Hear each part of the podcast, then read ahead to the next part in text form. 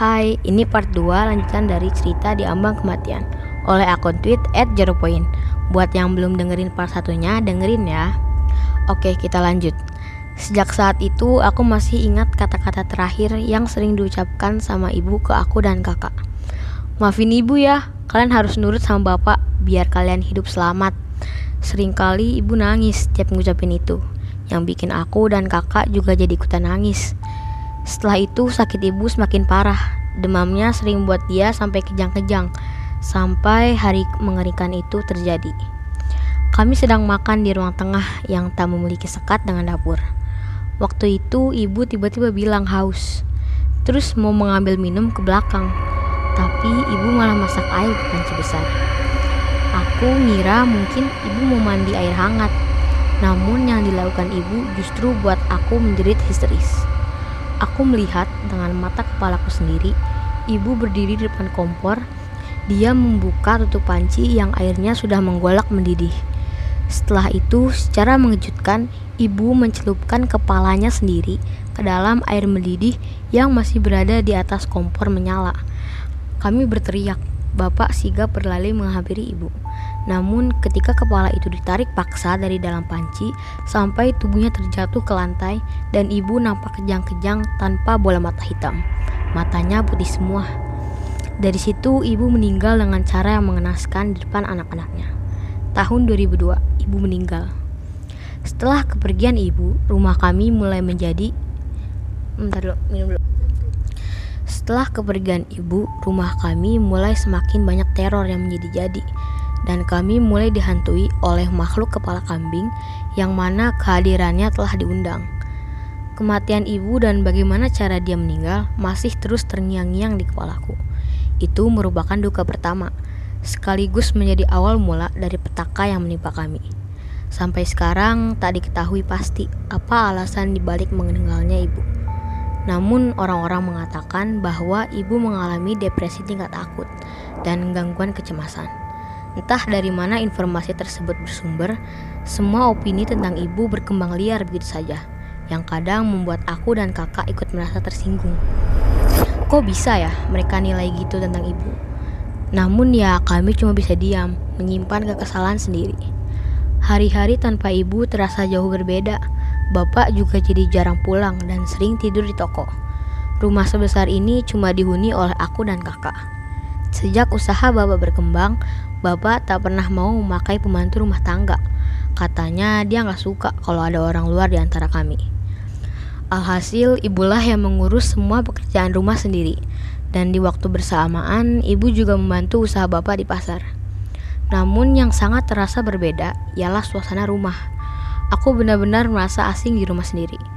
Suatu malam, sebelum 40 hari meninggalnya ibu, kakak mengetuk-ngetuk kamarku tengah malam. Dia tampak gemetar ketakutan dan wajahnya banjir keringat. Namun malam itu kakak gak mau cerita apa pun dia cuma bilang mau tidur di kamarku, soalnya kamarnya panas. Lalu beberapa tahun setelah itu kakak baru bercerita bahwa yang sebenarnya terjadi ialah ia bermimpi melihat ibu di kerangkeng rantai besi. Ibu menangis kesakitan dan berteriak menyuruh kakak lari. Tapi kemudian ada makhluk hitam besar berbulu yang menyergap kakak dan akhirnya kakak tersentak bangun. Tapi ketika sudah bangun, kakak masih mendengar suara ibu menangis dari arah kamar belakang yang mana memang jendela kamar kakak menghadap langsung ke sana. Suara ibu menangis merintih terdengar begitu jelas dan tak berhenti. Merasa merinding, kakak akhirnya keluar kamar dan membangunkan aku. Memang sejak kami sering tinggal di rumah berdua, kami sering mendengar suara-suara aneh seperti derap langkah keras dari lantai atas tepatnya dari kamar ruang kerja Bapak yang kami semua dilarang untuk membuka, apalagi masuk ke dalam ruangan tersebut. Suara benda-benda terjatuh sendiri, suara orang menangis. Kakak juga pernah melihat sosok seperti kuntilanak yang merayap di jendela kamarnya. Kuntila, kuntilanak itu katanya tersenyum lebar dengan mata melotot menatap ke arahnya. Tahun demi tahun, kami tak punya pilihan selain terus melanjutkan hidup. Berupaya terbiasa dengan segala keanehan di rumah dan bapak yang setiap hari Senin selalu saja melakukan ritual di ruang kerjanya dengan membawa kepala kambing hitam. Bapak juga sering bersedekah ke masjid dan ke panti-panti. Setidaknya itu hal positif yang aku lihat dari Bapak yang secara nggak langsung membantu aku menampik segala pemikiran buruk tentang Bapak. Sampai pada tahun 2012, pertengkaran hebat terjadi antara kakak dan Bapak. Waktu itu kakak mengamuk tak terkendali sampai bawa-bawa pisau mengancam mau bunuh Bapak. Aku yang melihatnya tentu cuma bisa menangis sembari berusaha suka tenaga menahan kakak agar tidak kelepasan. Kamu bunuh ibuku, sekarang gantian. Aku terkejut dengan kata-kata kasar yang berulang kali diteriaki oleh kakak ke bapak. Kakak tersulut emosi seperti orang kesetanan.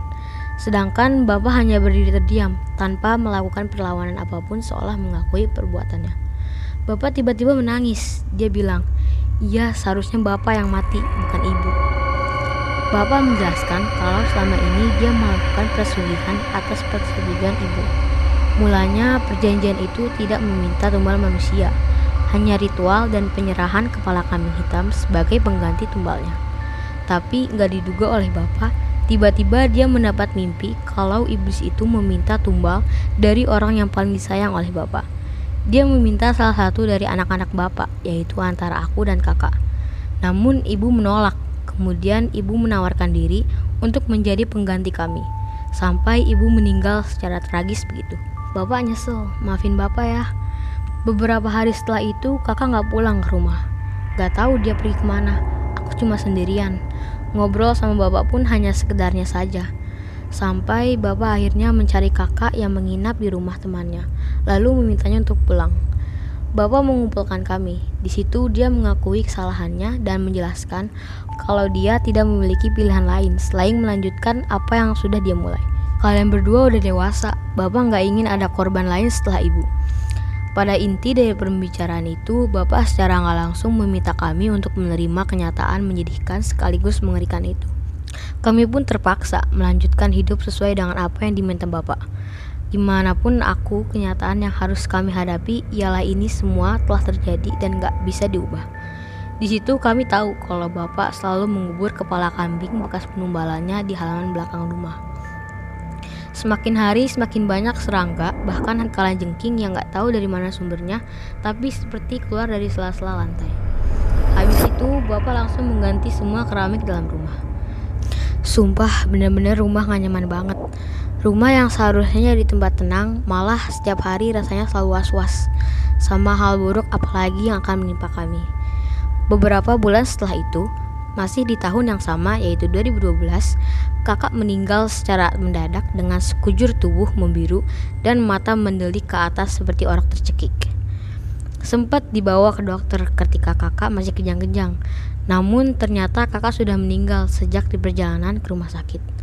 Dokter bilang penyebab kakak meninggal ialah karena penyumbatan pembuluh darah yang kemudian berdampak ke paru-paru dan jantung. Sepengetahuanku, kakak adalah orang yang paling jarang sakit di antara kami. Jadi itu semua nggak masuk akal.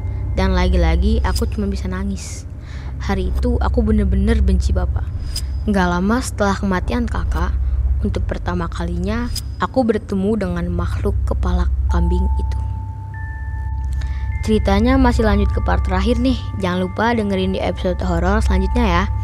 Oh ya, buat kalian yang punya cerita horor lainnya, kalian bisa DM di Instagram kita @osissmkbw2. Makasih yang udah dengerin podcast Berisa. See you.